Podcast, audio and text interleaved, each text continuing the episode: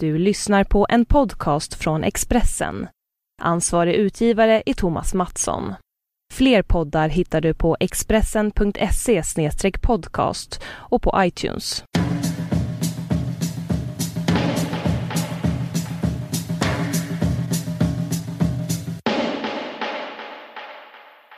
Hej. Hej. Hur är läget? Jo, det är bra. Jag är pyttelite full. Jag har Gud, vad mysigt. Klockan är typ 20 över 10. Mm. Sånt där. På Mm. kvällen. Och det är eh, tisdag. Exakt. Och eh, ja, precis. Men jag var på krogen precis. Men jag har liksom skyndat mig hem för att vi skulle spela in podden. Ursäkta mig. Det känns som att ha ett sånt spädbarn som, som behöver vård. Men eh, hur är det med dig? Ehm, det är bra. Det är bra. Jag... ehm, eh, jag är inte full. Uh, jag, jag, jag, ja, men jag mår bra. Eh, mitt barn eh, har blivit... eh, har 40 graders feber. vilket jag tycker... ja, jag hanterar det genom att eh, hon började gråta och då började jag också gråta. Det bara känns som en sån exakt eh, fel, fel grej att göra. Eller hur? Man ska... Mhm. Mm, men... eh, men Var du så här, jag har 40 graders feber? Nej. Kastade ner på go- golvet och skrek. jag fattade exakt att det var så att det är verkligen... eh, Jag tror att jag fick ett eh, uppvaknande. Jag fattade hur det är att vara vuxen och det var inte så. Jag förstår vad jag menar? Att jag bara, jaha, så Mm. här ska jag inte göra. Men jag gjorde det smyg till mitt försvar. Eh, Mm. Men det är väldigt så speciellt när typ en väldigt stark känsla drabbar en och, och liksom man känner sorg. Men man får inte... Det är inte mig det handlar om. Jag tror faktiskt det här var första gången. Att jag bara, men det är så hemskt. Jag bara, men, ja men och. Alltså det är verkligen så här och på mig där och då när hon typ gråter Ja. av feber och sånt där. Då kan inte jag gå iväg och gråta och sörja det. Men det, det gjorde jag. Eh, sen så ordnade sig allting. Har hon fått, blivit frisk? Eller hon... Nej, jag mår jättebra nu. Jag skojar. Eh, jag är inte alls ledsen längre. Men du menar om hon mår bra? Jo, det kanske... Mm. Ska jag. Nej, men hon är... mm, Nej, hon, men vi... eh, Efter så här, där, det här kommer folk bli... Kanske är det sån här grej som folk kommer ringa in för. Eller man kan inte ringa in, mejla in. Men varje gång Man kan inte mejla in. mejla någonstans. Hur som helst, så mm, vi åkte till eh, akuten. Det, och det har vi gjort nästan varje gång. Eh, Det är något med henne. Men det kommer vi kanske inte göra sen. Alltså det, man blev, Mm. det är liksom, eh, det är väldigt så drama queen stämning på det. För det, det är Mm. bara normalt allting. Så att de bara liksom typ hånar det när ni kommer in och säger så här, ge bebisen en Alvedon. Ja, fast de gör faktiskt inte det. De är så här för, de, jag tror att det är väldigt vanligt för det handlar ju jättemycket om ångest och de har nog, Mm. det är så extremt vanligt att ha ångest som första gångs föräldrar. Så att de är faktiskt väldigt så här, snälla och eh, ångestdämpande. Eh, men det handlar ju väldigt lite om så här, fysiska åkommor. Det handlar ju jättemycket om föräldrarnas totala, ja, att de har totala ångest liksom.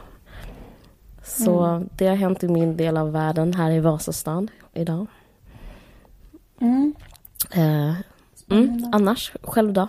Jo, det är ganska bra. Ehm, jag... ehm, jag, eh, jag har liksom en eh, kris i mitt förhållande på grund av EM. Eller ska du är full och ringer och berättar här nu? Jag har blivit så här en EM-änka. Ja. Eh, vad är det? Nej, men det är liksom att så här, man är ihop med Mm. Alltså min idé av att vara ihop, det är så väldigt enkel. Det är typ så här, man är ihop, då tycker jag typ att det man ska göra, det är typ att man ska så här ligga ner bredvid varandra i en säng och vad heter det, prata om hur man känner sig. Självklart. Ja, Självklart. Du high-fivar ja men gud. ja. Du behöver inte ens säga det. Nej. För mig är det liksom att ha ett förhållande. alltså varför har man ett förhållande och vad är ett förhållande? Jo, det är att man ligger ner bredvid varandra i en säng och berättar eh, för varandra hur man känner sig för tillfället. Mm. Och nu så är inte mitt förhållande så.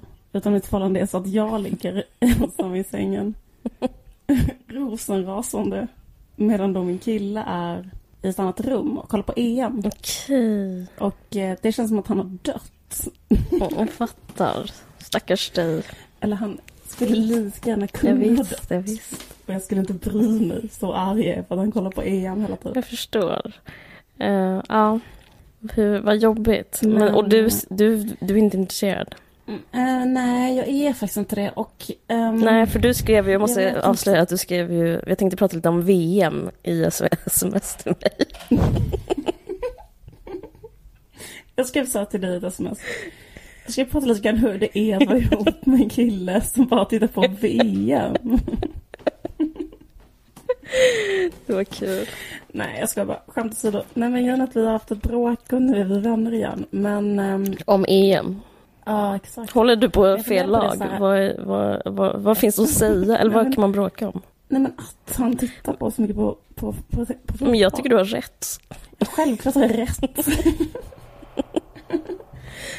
nej men alltså, eh, nej men att det, det känns som ett sånt himla liksom, ehm, eh, det är ett sånt problem som jag liksom aldrig haft innan. Det är en slags så här svenne, för jag vet inte vad nedlåtande Det är ett sånt svenneproblem som är så att min kille kollar på fotboll och jag vill att vi ska umgås och prata om känslor. Precis. Det är liksom vad, eh, eller inte, jag tror att det är ett jättevanligt eh, scenario. Jag tror också det. Och så tänker jag så här, kommer vi ha slut på grund av EM? Kommer vi att, eh, kommer EM att knäcka vårt förhållande? Men då så, Mm. eller jag tänker att det var fjärde år något där. Det finns ju sådana cykler, alltså folk brukar säga så här, att efter sju år, Mm. har du hört sådana Ja. grejer? Eh, det finns ju en sån vedertagen sanning att efter sju år gör alla slut. Tydligen. Jag vet, fast det finns också...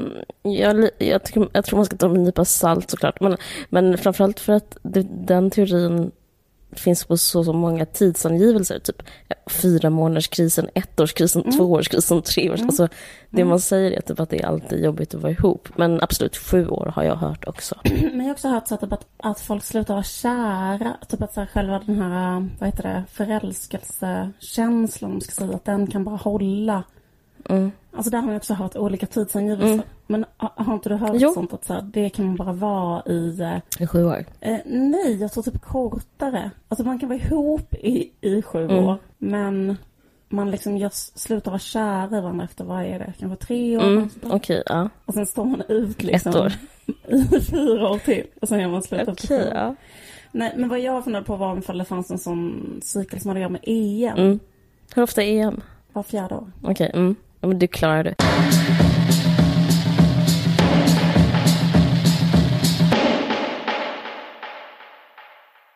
Det är jättehärligt för att Lars Norén har kommit ut med en ny diktsamling som heter Stoft. Förlåt, men är det en bra titel? Nej, han, det är inte så bra titel för den är väldigt så här klichéartad dikttitel. Och så man tänker så här, vad skulle en diktsamling heta? Då säger man Exakt. Stoft skulle den heta då. Så het, Eller typ så här, vad ska jag kalla mina gamla, eller liksom det som jag inte riktigt vet vad jag ska kalla, som jag har i min byrålåda. Precis. Det är stoft av... Exakt, men det är inte det. Det här är nyskrivet material som är Mm. svinbra. Och ehm, det är så här, det här är kanske grovt, men Lars Norén är Sveriges bästa författare. Han bara är det. Han är bäst. Du får jättegärna säga säg emot mig, vem är bättre? Um, alltså jag um, kom, vill komma ut med att jag aldrig har läst Mm, men någonting jag ska som läsa för dig. Okej. Grejen är att eh, jag läste hans, Det här är riktigt bra podding.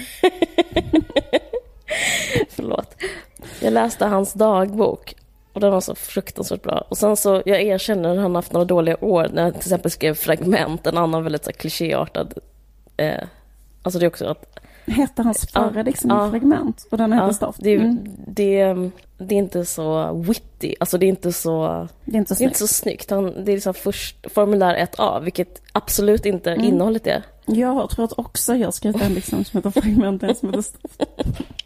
Nej, på gymnasiet. Ligger i min byrå Ja, fortfarande. precis. Men eh, det, jag tror du skulle gilla den här. Jag ska sälja in den här till dig. Mm. För att, Nej, men jag tror säkert det är jättebra. Läs jättegärna ja, jag ska, jag ska först pitcha den för alla andra som inte ska stänga av. Att Mm. det handlar om eh, småbarnsåren. Alltså det som, jag läser parallellt eh, Simon Sköld eh, och Camilla Läckbergs blogg. Alltså det är som Camilla Läckberg och Simon Skölds blogg fast, de, fast han inte ljuger. Alltså en, en så här ärlig version av hur det är. Alltså han, han håller på att känna efter hela tiden hur det är att ha ett litet barn och så beskriver han det. Jaha, vad intressant. För han är ju, alltså för att, det, Ja. eller hur? Han fick ett Ja. barn nu, ett nytt, nytt barn fast han är kanske Ja, 60. exakt. Eller hur gammal kan han vara? Eh, vi, Så han måste ha för att vara artiga kan vi, kalla kan vi kalla dem 60, men jag tror faktiskt det är mer 70 som... Ja. Men, men äh, är han så här Sveriges mesta, är Lars Norén Sveriges mesta småbarnspappa? Alltså att han har varit småbarnspappa från han var 20 tills han var 70? Nej, han har faktiskt bara tre barn. Ja, men han kanske har tajmat in dem så här med väldigt långt mellanrum. Eh, nej, de två första fick han med samma fru. Men det fantastiska är att jag har liksom en slags, jag bor på samma gata som Lars Norén. Eh, vi kan kalla det slump, eller så kan vi bara kalla det att jag visste om det innan jag flyttade hit och därför vill jag bo här. Men, eh, Mm. ehm, och jag ser honom ibland med hans lilla dotter och det är, det är som en dikt. Och nu har jag fått, jag har fått den här diktsamlingen och så skriver han själv om hur det är. Och eh, det är så bra. nu ska jag gå in i ett annat rum med ljus och läsa för dig. Förlåt att den här podden är så här idag. Nej, det är helt underbart. Okej. Du har rätt att höra. Och, och, ehm, det- men det som är så bra med den här diktsamlingen är att det handlar om ehm, Alltså det, det påminner om hans dagbok, hans dagbok var så bra när han beskrev allting Ah, Jag ska bara läsa, men det Knausgård blev väldigt hyllad för hade han redan gjort för länge sedan. Liksom att det var väldigt så här icke-värderande om, han bara beskrev verkligheten på väldigt exakt sätt, sida upp sida ner. Mm. Eh, och Stockholm väldigt mycket. Men nu läser jag en dikt som inte har ett Mm. namn, men som är på sidan. Eh, den, är, den heter Till Klas Fågel. Eh, stillhetens få möbler från det förflutna står kvar som tankar i mitt hem. En hemlöshetens filosofi. Ett stycke skrift som tränger ner som brännmärke, gravering. Smärtfigmentum i ändlig materia. Barnen börjar komma tillbaka hem. I Vasaparken. En park nära oss båda två. Det står inte, det är jag som säger det. En slags frida overklighet, som att läsa, läsas. Stannar och pratar med en döende bekant, som när han drar ner den mörka huvan från skallen i bara ett enda smärtsamt avmagrande. Hans livs repor genom dödskraniet. En glädjens kärna som inte brutits ner tillräckligt.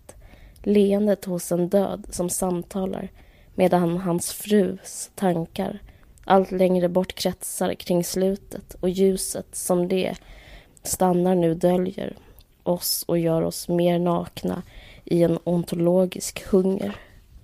Kvällsstilla nu vilar äntligen dagens förintade tid och mitt barn, vad jag saknar dig och dina systrar. Hur vi än går baklänges in i slutet och ser det underbara förgångas. Verkligheten... Vänta, jag tappade telefonen. Uh, verklighet framför oss, den som tränger upp som vore den en väg genom stenig mark och bland alla som stoft virvlande människoströmmar lösgör, lösgör jag mig i ditt ljus allt tätare fri från det generösa våldet. Fin dikt. Jag fattar inte exakt vad den handlar om. Lite om döden. Och jag tror det är en person som har dött men också om att de saknar sitt, sina, sina barn. Fint va? Mm. Det var väldigt fint i början. Det var väldigt fina första meningar. Jag läser en till, sen ska jag inte läsa mer. Ja. På buss 4, när jag åker med min dotter till hennes skola, pratar med människor som saknar spärrar, tack och lov, ramlar ut ur sig själva och reser vidare och sedan i dimman går förbi Maria Pool. Vadar genom de stelandes hadesamtal som en sång i den gamla avgrunden. Var är sången, stigen, till en stig, oklart vad den är. Som Heidegger skriver, om den ens leder till sig själv lämnar henne sen i skolans vård, återvänder hem utan henne som ett sår, som djur som drivs ut i det ostängslade, det rena, oavslutade, i sin fullkomningshem, där det skyddas av sin utsatthet, i varje rörelse märkta av uppfyllelsen, men rasar stumt. Under mig gör de broar som föds av varje steg, vart älskade dyrbart steg in i, in i det sig själv oskyddade. Det handlar om att han lämnar sitt barn på skolan. Det var ja, fantastiskt. Mm. Visst är det fint? Ja, superbra. Fint, härligt, underbart. Annars? Jag kan fortsätta lite på din... eh, apropå det här med Ja. boktips. Jag läste tidningen Chef. Har du läst tidningen Chef någon gång? Nej, varför läser du dem? Får du dem? Eh, nej. Eh, nej, jag har inga anställda. Jag tror att man, om man har anställda så får man tidningen Chef.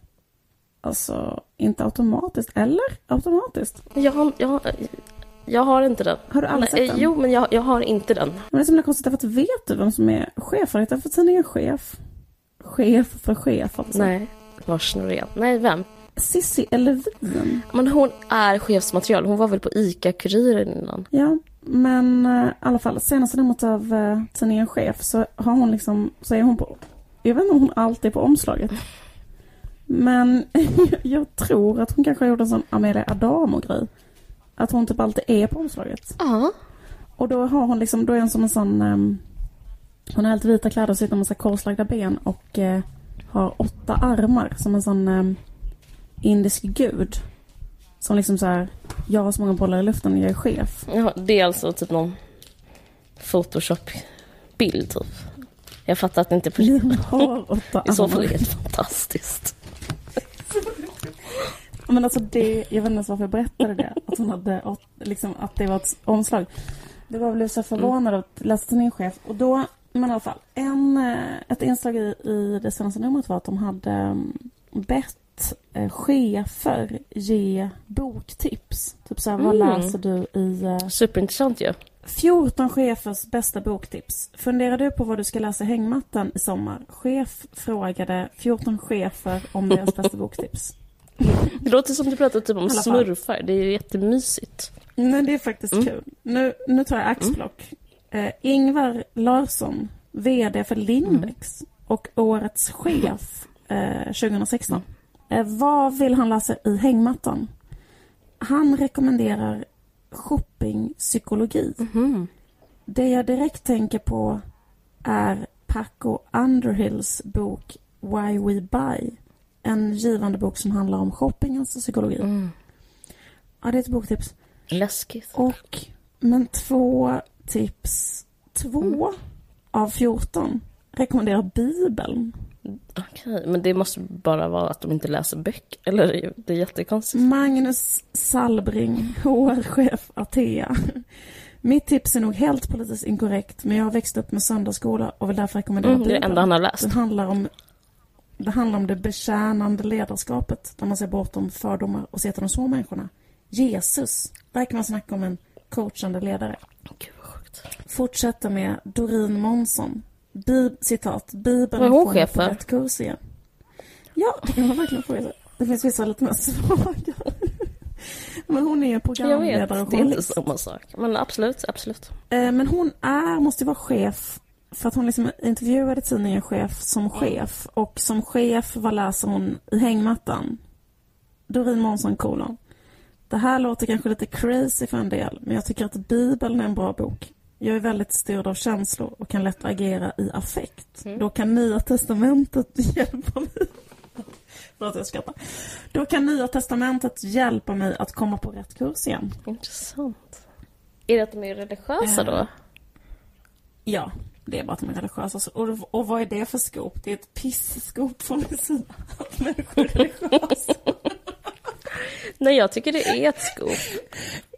Jag tyckte det var något som var kul med att så här, chefer får liksom bestämma och att två av 14 valde Bibeln. Verkligen. Sen var det en, får jag läsa en till? Se- Securitas VD, Mm. Yassir Persson Kjellbat. Han rekommenderar i hängmattan en bok som heter Business is beautiful av 19 olika författare. Danny Lidell, Dobby, Nej. Mackenzie och Allen har skrivit tillsammans Låt. en, en, en bok som heter Business is beautiful.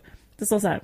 Boken visar bland annat att det inte finns några dåliga idéer, bara dåliga mottagare. Mm. Snark. Ehm, säger vdn för Securitas. Mm.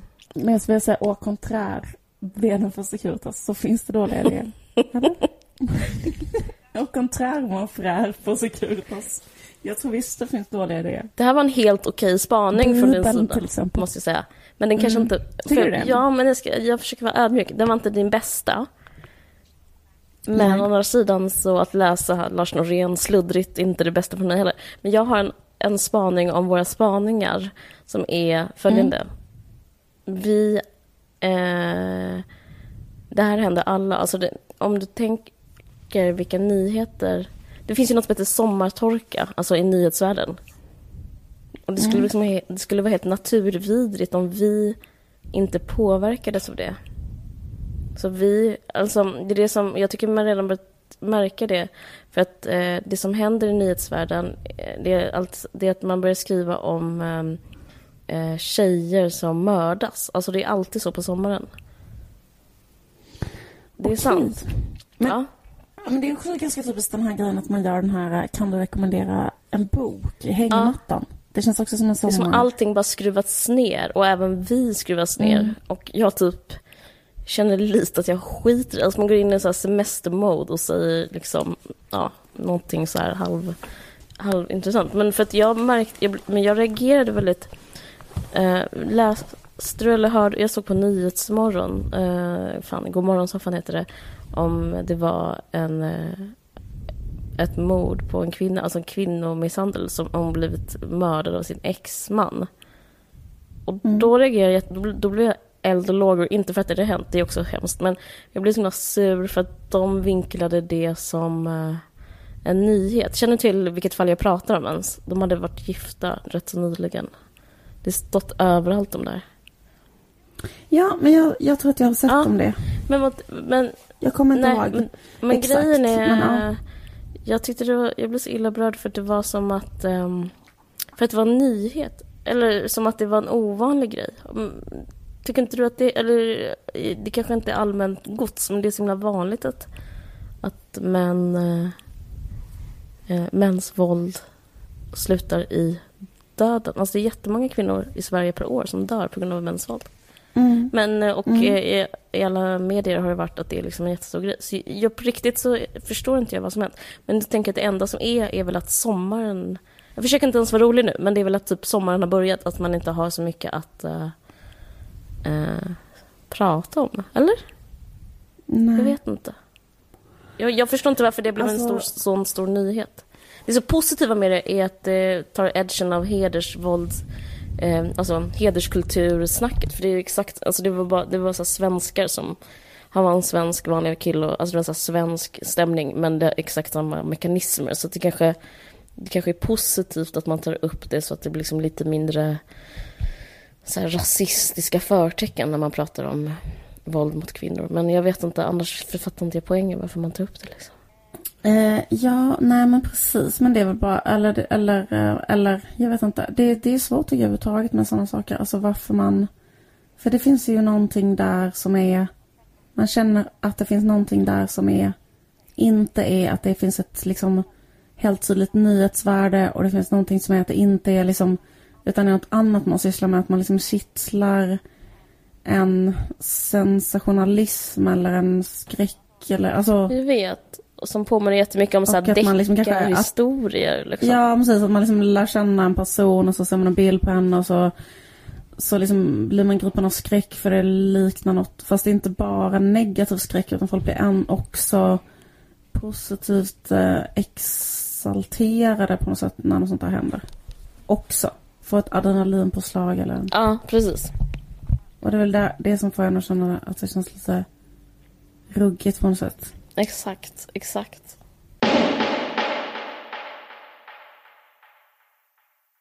En sak som eh, alla håller på med och är typ väldigt eh, uppjagade, eller jag vet inte riktigt, inte uppjagade men en, en typisk eh, så här, ångestgrej för föräldrar Mm. när det är lov eller typ när det är överhuvudtaget, Mm. eller kanske alltid. Det är den här grejen att eh, ens barn hela tiden håller på med en iPad. Just det. Eh, jag vet inte om ditt barn, ditt barn är lite för litet för att du ska kunna komma in i den här, eh, att det verkligen är så här, eh, Mm. Ja, men jag upplever som att alla föräldrar håller på med det.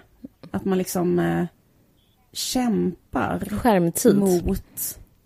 Exakt. Man kämpar mot... Eh, Skärmen. Exakt. Jo men, jo, men mitt, mitt barn har också fått, eh, det, det är jätte... Alltså, det finns moralism i, alltså, mitt barn ska inte se på skärmar. Det är fel.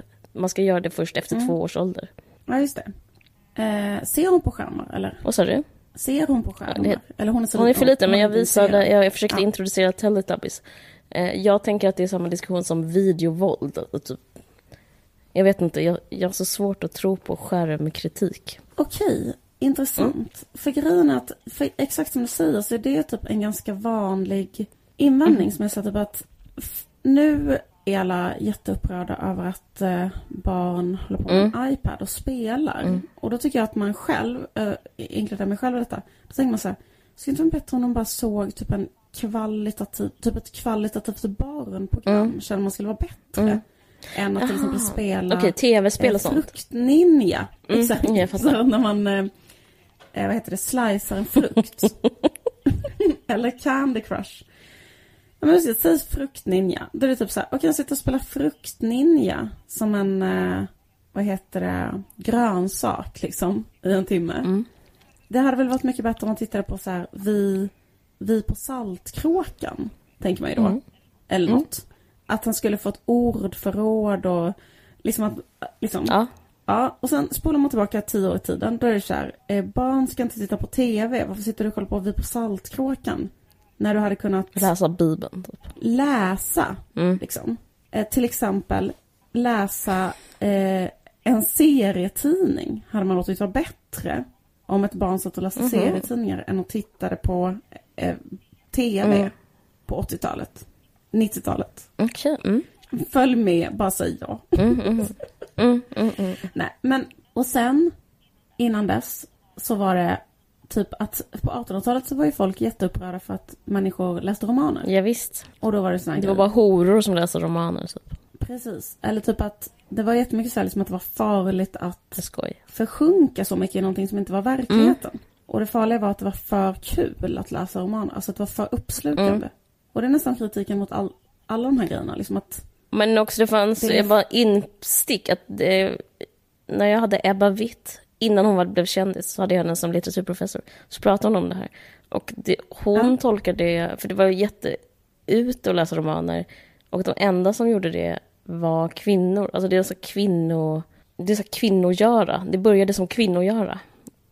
Och sen Ja. så när killar började så blev det inne, tyvärr. ja, eh, det, jag vet inte, det går liksom inte att applicera på... Nej, det gör det inte. Det var bara, det var en parentes. Det var en parentes. Ja, Mm. eh, men precis, men för att, eller jag vet inte, i och för sig, det kanske är så med det, eller det är nog inte så. Ja men, säg, för, men liksom det man hade som invändning, Mm. ja, men, som du säger så var det väldigt mycket kvinnor som gjorde det. Men det man hade som invändning var liksom att så här, kvinnor är så här, liksom att de, att de eh, försummar typ det riktiga Mm, livet. För att de liksom hänger med näsan av en bok och upplever saker i sitt inre istället för att göra det i det yttre. Mm. Liksom. Och sen så liksom varje gång, alltså det är så himla konstigt för att då tyckte man ju alla sådana typ så här Jane Austen, eh, och Charles Dickens, alltså allt det där Mm. var liksom som att eh, spela fruktninja. Ja. Och jag vet inte vad jag ska säga om detta. Jo men typ två saker. Dels att så här, jag tycker det är någonting som är komiskt. För den här spaningen Mm. tycker jag ändå att man hör Mm. ganska ofta. Eller så här, liksom att man byter ut, alltså att mänskligheten hela tiden byter ut så här, vad som är dåligt. Eh, liksom. Men att den gemensamma nämnaren är lite så här, det, det dåliga är att man inte liksom deltar i det som man uppfattar som den riktiga världen. Mm. Eller, Mm. ja. men, att, men att en sak som man ändå liksom kan Alltså ganska många säger den här spaningen som jag sa Mm. nu. Bara, ah, det, det bara byts ut och först var det video Mm, sen var mm, det mm, iPod. här. Men att det har ju ändå blivit sämre och sämre. Alltså man, kan, man kan ju inte säga något annat än att det har blivit värre och värre grejer som människor sysselsätter sig med. Vad sa du? Som när? Ja men liksom att så här, det har ju blivit sämre och sämre. Alltså romaner var ju bättre än att läsa serietidningar tänker jag. Och serietidningar var ju bättre än att kolla på TV. Och TV var ju bättre än att sitta och slice en sån frukt. Ja. Att sitta som en eh, zombie och bara så här, skära sönder frukter med pekfingret. Så som, så som människor gör nu. Måste ju vara sämre. Liksom. Ja, verkligen. Eller? Jo, verkligen. Eh, Alltså, och, det är, och det är ju deprimerande tycker jag. Att det känns som att mänskligheten går mot Mot att bli, Ehm. bli sämre och mer dum liksom. Ja. Mm, jag håller med. Och en, men en annan sak jag tänker på det är så här att det finns någonting som är så himla komiskt. Alltså det finns ingenting som jag tycker är så... Alltså nu till exempel, jag är ju serietecknare. Mm. Och det finns en eh, liksom så himla stark rörelse inom serier. För serier är ju en sån där grej som var ansedd ungefär som eh, lika mening... Alltså att föräldrar tyckte att det var lika meningslöst Mm. att ett barn läste serietidningar som att de spelade fruktninja. Mm. Att vara så här... ehm, Det var blaj. Ja, det är bara blaj Mm. och det är något man gör för att man inte vill göra något, eh, något som på riktigt är liksom viktigt eller utvecklande. Mm. Men sen efter några år så får ju alla sådana saker, alltså det som innan var, alltså så, så är det med allting. Typ en jättedålig skräckfilm som alla vill titta på. Mm. Eh, Typ en splatterfilm. Eh, klipp till 20 år senare när det är en sån kultig festival. Fy fan, jag kan inte tänka mig något värre. Men, Nej, men okej, jag, jag förstår Nej, men i det- sak, det- absolut. Ja, ja men precis, att liksom bara någonting åldras 20 Mm. år så blir det finkultur. Mm. Alltså typ bara för att så här, någon har ett någon kille har ett positivt minne av det från sin barndom och då gör han det till finkultur när han blir liksom, Ja, ja, ja. absolut. har, har liksom, ja. Och så är det ju verkligen med serier också. Och då är det typ så här, alltså läste jag en sån lång så himla, himla deprimerande tråd på nätet Mm. som handlar om varför folk inte då längre så här, köper serietidningar på det sättet. För liksom se- serietidningen Mm. hade liksom ett, eh, kanske en guldålder, jag vet inte när, kanske på 50-talet eller 60-talet eller sånt där. Att det var jättestort att gå och köpa så här, kanske Knasan. serietidningar. Ja, Knasen eller eh, Fantomen Mm. eller något sånt där. Och då kanske det var liksom en, en, en kommersiell succé och det var jättelätt och det var, ja, det var en jättestor grej. Och sen att det är så här nu att inga ungdomar eller man ska säga barn läser inte serier alls på det Nej. sättet som barn gjorde för 30 år sedan eller så, eller 20 år sedan. Mm. Och då är, för barn idag då spelar bara Fruktninja. Mm. Och då Ser de, för bara, är ser, de är- inte på, ser de inte på typ så här eh, roliga serier och filmer och sånt där också? Typ barnprogram liksom, är, är det, finns inte det? Jo, kanske. Ja. Jo, jo, det finns ju. Men jag tror liksom att så här, den stora moralfrågan är, Är tv-spel? Mm, tv-spel. Ja. Mm. Och då är det typ att, eh, jag tror att man känner sig som en duktig förälder om man har lyckats få dem att sitta och titta på så här, en anime Ja, version av Ronja Rövardotter eller Levande slottet eller något sånt där. Mhm, mm. Och så känner man sig dålig om man har låtit dem sitta och spela fruktninja i tre timmar. Liksom. Eller två. Ja. Eller jag vet inte, så upplever jag det. Hur som helst, jo, att då finns liksom en, en rörelse som är så här liksom att, så som det är med all kultur. Mm. Liksom att innan så var det liksom, ingen behövde säga till barn att de skulle gå iväg och köpa en serietidning. Nej. Och sen nu så är det som att män, vän, liksom, det, människor som jobbar med sådana där grejer. Mm. Alltså det finns någonting som är lite, som, lite så här hjärtknipande med sådana kulturformer. Så är det alltid, alltså när jag var liten så höll jag på jättemycket med teater. Och då så fort man träffar en teatergrupp så är liksom teatergruppen är så här, hur ska vi få ungdomar att kolla på teater? Hur ska vi få människor? Alltså du vet så här, och så är det också med, se- på med serier då, liksom att så här, hur ska vi få människor att läsa serier? Hur ska serierna få en högre status? Hur ska serier, alltså Mm. vet, och så är det bara så långa, långa, långa trådar så här, hur ska man kunna komma tillbaka till det att människor typ köper serier på det sättet som man gjorde eller vet så. Oj. Och sen, Mm. Utan att fatta att den tiden kommer liksom aldrig komma tillbaka. verkligen. eller Get vet, att det- over it. Ja. Eller Släpp då blir det istället... eh? Släpp det. Ja, absolut. 100 procent. Men då blir det ett... Det har blivit någonting som man kan få då kanske kulturpengar för. Det ska Ja. understödjas. Och det var viktigt med eh, Knasen. Eller vad jag Jag menar? fattar. Knasen var ett svenskt kulturarv. Precis, eller splatterfilmer eller Ja. vad som helst. Och liksom nu tittar inte folk på gammal fin B-skräck längre eller nu, eller någonting. Det är verkligen tri- du får triggervarna mig när du ska prata om så här kultskräckfilm. Det är typ det värsta jag kan tänka mig. Kultskräckfilm eller, eh, ja ja, men du vet något Mm. annat. Men jag bara fantiserade lite att jag tänkte att det kommer bli så kul därför att jag tror nästan att jag kommer att leva, du och jag kommer att få leva tills vi får se de kulturartiklarna som handlar om fruktninja. Typ så här, Jättekul. när folk kommer så sluta spela det, Ja. vilket kommer hända om två år liksom. Och sen typ om 20 år så kommer det vara så här kampanjer i skolan för att barn ska spela fruktninja. Så här, snälla kan inte spela det här. Man undrar varför de kommer göra det istället. ännu Ja. sjukare. Liksom något som är bara så här, ehm, som, som vi inte ens kan föreställa oss. Som de kommer vara totalt uppslukade Mm. av. och bara vilja göra. Och då kommer det finnas sådana kommittéer av människor som kommer liksom att få också pengar från typ så här kulturrådet och sånt. För att så här, har gjort ett sånt skolmaterial för att barn ska, ska så här, sitta och spela Angry Birds. Typ. Det är jätteroligt. Men jag tror att det finns ett eh, annat problem med det där du säger som är, handlar om eh, en slags oärlighet. Alltså det finns en självgodhet från eh, de som har den här kritiken. För att om man, om man ska vara helt ärlig och där säger jag, försöker jag säga på det minst moralistiska sätt, men om man ska vara helt ärlig så är det väldigt tråkigt att umgås med någon som spelar fruktninja. Om man ska vara helt ärlig. Ja. Och det, det kanske liksom... Men det är kanske en barnslig känsla att man bara... Det är så tråkigt, du bara kollar på fruktninja eller du bara kollar på med din mobil. Du bara... Det är liksom någon slags... Man känner sig så himla bortvald om någon håller på med en skärm. Den kritiken tycker jag liksom är relevant. Det var ju, var inte vi pratat om det en gång innan? Att det finns en undersökning på att om barn som umgås med föräldrar som kollar mycket på sin mobiltelefon upplever att mm. föräldrarna är deprimerade för att man, man, man är någon annanstans och man alltså, man sänder ut känslor av att man har liksom lämnat relationen på något sätt. Och så kan ju föräldrar känna inför sina barn. Jag vet inte, jag menar inte att jag typ eh, är en gud som har svar på allting, men det kanske vore lite härligt att vara så ärlig med så här att man kanske tycker att sitt barn är tråkigt eller så här, man känner sig kanske utanför. Jag vet inte, men det, det, är som man ska hela tiden prata om, det är rätt eller fel. Det känns så jävla eh, idiotisk eh, liksom det... ingång på ett sånt problem. Som att det är fel med fruktninja eller det är rätt med fruktninja.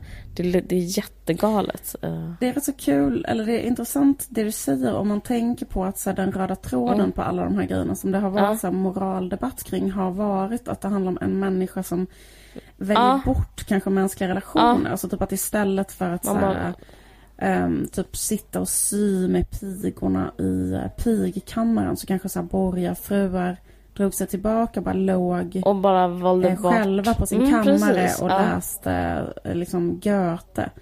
Och då, eh, vad heter det, blev de, tyckte de att så här, varför gör hon det? Och det är lite samma sak med ja, men, så här, de uppslukande... Mm, precis, det är så att man inte pallar med någon har en egen inre värld, typ. Man får panik av det, typ så här, varför har du det? Det är liksom, nu knyter vi ihop säcken fram till början här. För att det var, det var jag ja. då när min kille kollade på Din kille vill, behöver bara suggerera sig själv genom en inre värld som bara EM kan ge honom. Men... Och liksom, precis, exakt. Och då blir jag så här, du har inte rätt att välja bort världen. Exakt. Um, Men den känslan mm. tror jag är rätt så skamfylld. Men den känslan tror jag Alltså det, det, det är lite så pinsamt att säga att man... Det är som att säga, kan inte du vara med mig? Och så istället säger man att det är fel på EM eller, så här, eller fruktninja. Men man vill ju ja, bara säga så här, kan inte du vara med mig? Tycker du att jag är tråkig? Vad är det för fel på mig? Är inte jag lika kul som en fruktninja? Bla, bla, bla.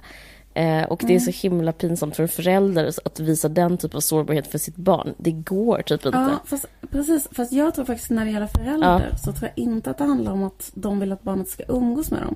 För jag tror att jättemånga föräldrar tycker att det är så himla, himla skönt att det finns någonting som barnet kan göra. Ja. Eh, liksom där man slipper, eller där man slipper så underhålla det eller att det blir som en eh, någon form av eh, ja, barnvakt eller så. Eller att man använder den där skärmtiden ja. till att så, man själv kan göra någonting ja, annat. Liksom. så är det ju. också fylla en funktion, är värdefull och så här, för vuxna på det sättet. Och då kanske man har dåligt samvete för det. För man tänker så här. Men jag tror att det där handlar jättemycket om att man Alltså, alltså att man, man kan bara Alltså att man har bara sin egen barndom att eh, Att jämföra mm. med så har man liksom bilder av sin egen barndom. Mm. Som på något sätt ändå signalerar att det är något som är bra. Då vet man att det där lärde man sig någonting av. Det där var bra eller det där gav en någonting. Eller man själv har kanske ett positivt laddat minne av någonting. Mm. Så liksom när barnet gör sådana saker som man själv gjorde, då, då blir man trygg. Och sen så när barnet ägnar sig jättemycket åt något som man själv inte gjorde. Mm. Då känner man sig otrygg. För det är så himla konstigt. För jag har typ en sån grej med mitt barn. Att när han, alltså att om han spelar gamla Super Mario, alltså de här åtta vita Super mm. Mario. För det gjorde nämligen jag när jag var liten. Och har jättepositiva minnen av det. Då tycker jag typ att det är så bra. Mm. Så jag är redan som en sån människa som håller på så här. Jag bara, det här är ju verkligen eh, kultur. Så här, gamla Nintendo är väl liksom ett riktigt underbart jävla tv-spel. Däremot Fruktninja, vad är det för jävla eh, liksom du vet gravt retarderat spel som handlar om att man ska så här, eh, vad heter det, skära sönder en frukt. Jag fattar. Det kan ju inte vara bra liksom på något Nej. sätt. Eller liksom bara stimulera hans fantasi eller någonting. Liksom. Så tänker man. Jag fattar. Mm. Så är det. Eh, jag vill inte vara en sån Orvar Sävström. Exakt. Och så- så Nej, jag man, pass, passa dig så men- inte du börjar Jag prata kommer om kult. in- börja bli en sån människa som importerar gamla Gameboys och restaurerar dem. Tvingar honom att spela sig gamla Donkey Kong. Det är fruktansvärt. Ja, det är fruktansvärt. Jag kommer inte att bli så. Men, de, eh, men det finns väldigt många sådana redan så det, det är liksom... Ja men till exempel att de tycker att det är liksom jättemycket bättre att spe, att vad heter det, eh, köra en bilbana. Typ en fysisk bilbana En. är bättre än att kanske, ja men än att spela ett spel om man kör en bil på tv liksom. Ja. För att man kanske har bara ett mer härligt minne av en eh, fysisk bilbana. Men är det att man är orolig att det kommer bli något fel på barnet? Eller vad är, för, vad är själva oron? Ja men oron är väl att, liksom, att barnet är uppslukat i flera timmar av någonting som inte är varken relationellt, alltså att det inte interagerar med Mm. andra. Och inte heller fysiskt, att den inte rör på sin kropp. Mm. Utan den sitter som en eh, möbel i timtal. Okej. Och då tänker man att det kan inte vara naturligt eller bra. Eller Nej. liksom, och, den, och det tror jag man har rätt Jag precis säga, det låter ju inte... det låter ju inte så Det är jättebra. Eh, Nej men liksom, alltså, det är väl de två grejerna Ja. som, som jag tänker är negativa. Absolut. Liksom, att de tänker att så här, det kan inte vara bara för den fysiska eller så här, eh, kroppsliga utvecklingen att sitta still.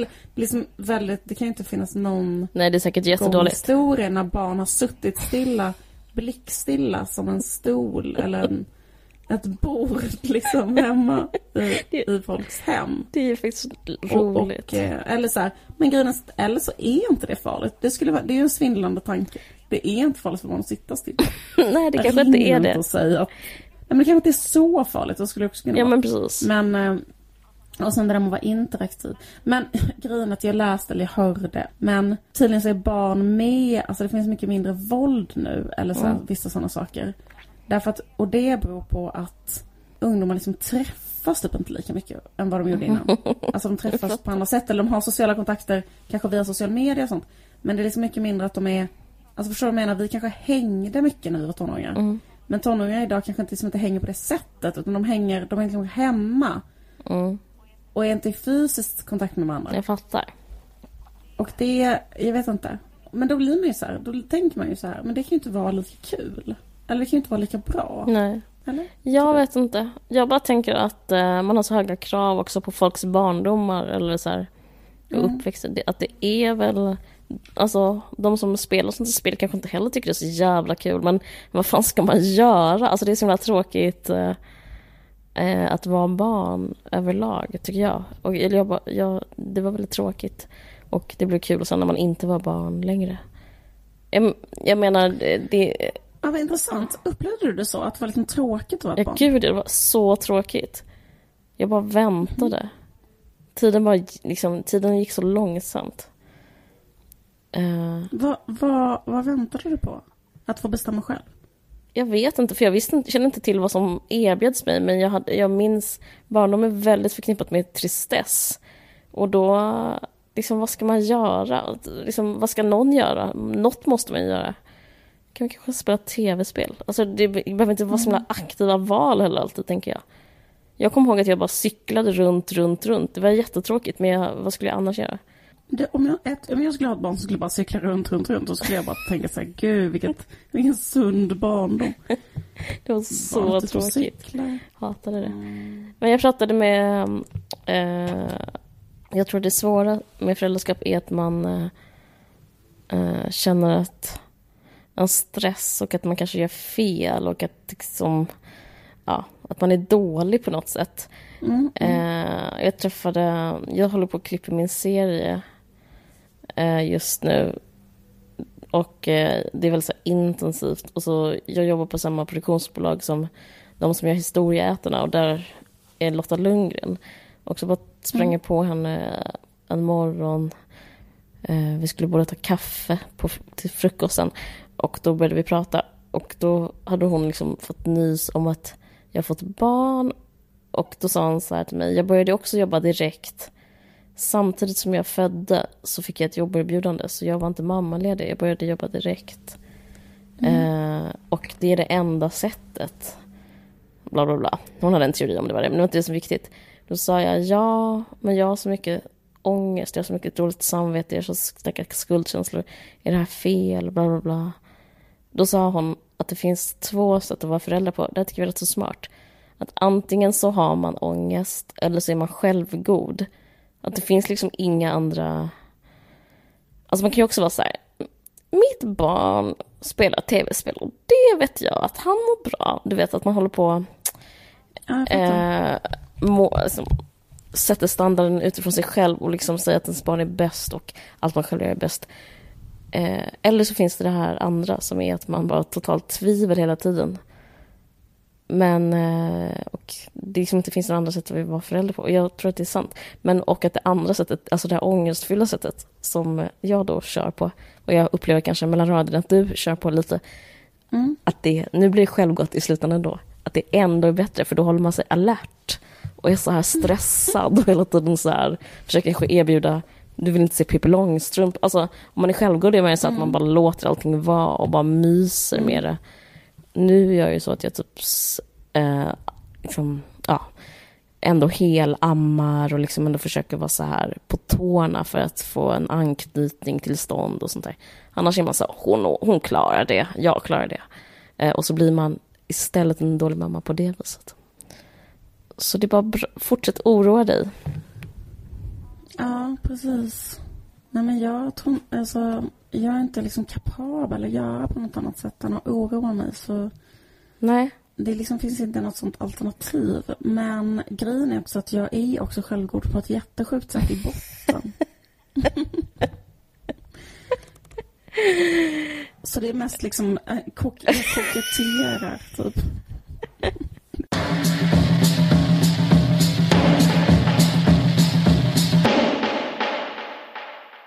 Jag har ett till, just det, en till tillägg, ett appendix. Mm. Kom ihåg att vi pratade om blå är den varmaste färgen, den här aktuella filmen som vann guld, det?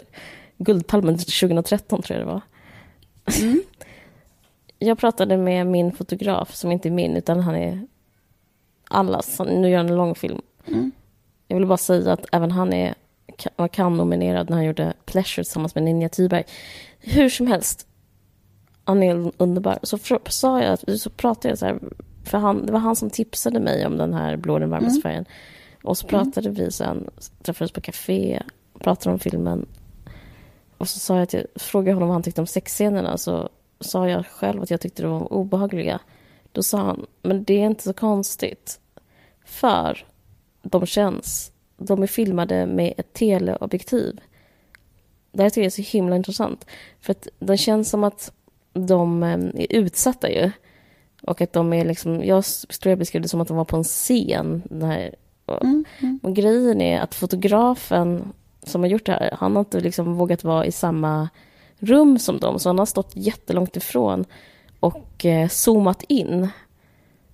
Så det är, Mhm. det tycker jag är intressant. Eh, så det är där, och det jag tycker man känner det, det är liksom så himla... Eh, de är så utsatta, de liksom känner inte av någon kontakt med fotografen utan de bara vet att någonstans är de filmade. Eh, och så ska de liksom bara... Men alltså han ser, alltså han står i ett annat rum och har zoomat in så liksom han kan se Mm. i sin kamera jättenärbilder på dem. Precis. Fast han är inte i rummet. Precis, och det är därför de, man känner en falsk intimitet. Voyeuristisk. För att om det, jag tror, Okej. jag blir så väldigt så peppad på att göra en film och göra sexscener.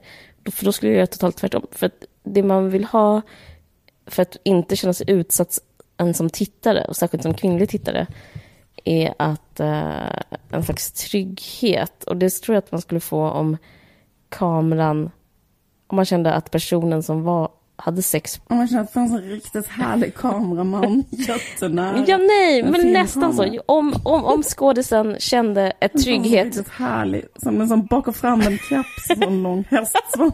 Och så här Nej, jag tror som det. stod så här 20 centimeter ifrån och lät, lät bandet rodda. Ja men så är det nu. Jo, ja, men- men, om man skulle, men bara. om man skulle känna en slags, okej, en slags jämlik typ kon, consent-stämning med personen. Det kan faktiskt vara en kvinna som eh, håller i kameran. Eh, och, eh, och, så, och då utifrån det göra en sexscen. Nu är det ju liksom att de i stort blivit spionerade på. Jag bara vill säga det här för att jag vill bara säga att jag hade rätt. Det är obehagligt. Ja, men det är också intressant därför att, alltså att du menar att den känslan att det handlar om en teknisk fråga i princip. Ja, men det handlar ju om att de är spionerade på. Ja. Ja, tekniskt är de spionerade på. Och så, så har de eh, genom teknikens under liksom, fått det att framstå som att de är, har ett, liksom, ett nära samarbete. Det har de inte. De är bara så här... Eh, det är så här peeping Tom-vibb. Det, och så har de bara ett objektiv hela tiden. De har, ett, de har helbild, så de blir liksom aldrig... eh, Det blir aldrig point of view. Det blir bara att man tittar på dem. De får aldrig, det är aldrig utifrån deras blick. Men nu ska inte, det var sista gången jag pratade om den här filmen. Jag ska inte prata om den nästa gång också. Men jag tycker, jag tycker det här var lite intressant. Tycker inte? Är det, är det att jag har blivit nörd? Jag kan- Eh, jag kan nej, det då. intressant. Okej, men ehm, Okej. glad midsommar, Ehm. eller? När är midsommar? Eh, ja, eller? Ja. Är det på midsommar den kommer komma ut? Eh, nej, det är Nej, det okej. inte. För det är nästa vecka, tror jag. Eller? Det är, Jo, men det är det nog. Ni, precis. ska, ni, har lyssnat på Ehm. en Varje söker sin podd. Jag heter Caroline Ringskog, Fred Norli och du heter Liv Strömquist. Tack för att ni lyssnar. Tack och hej. Hej då.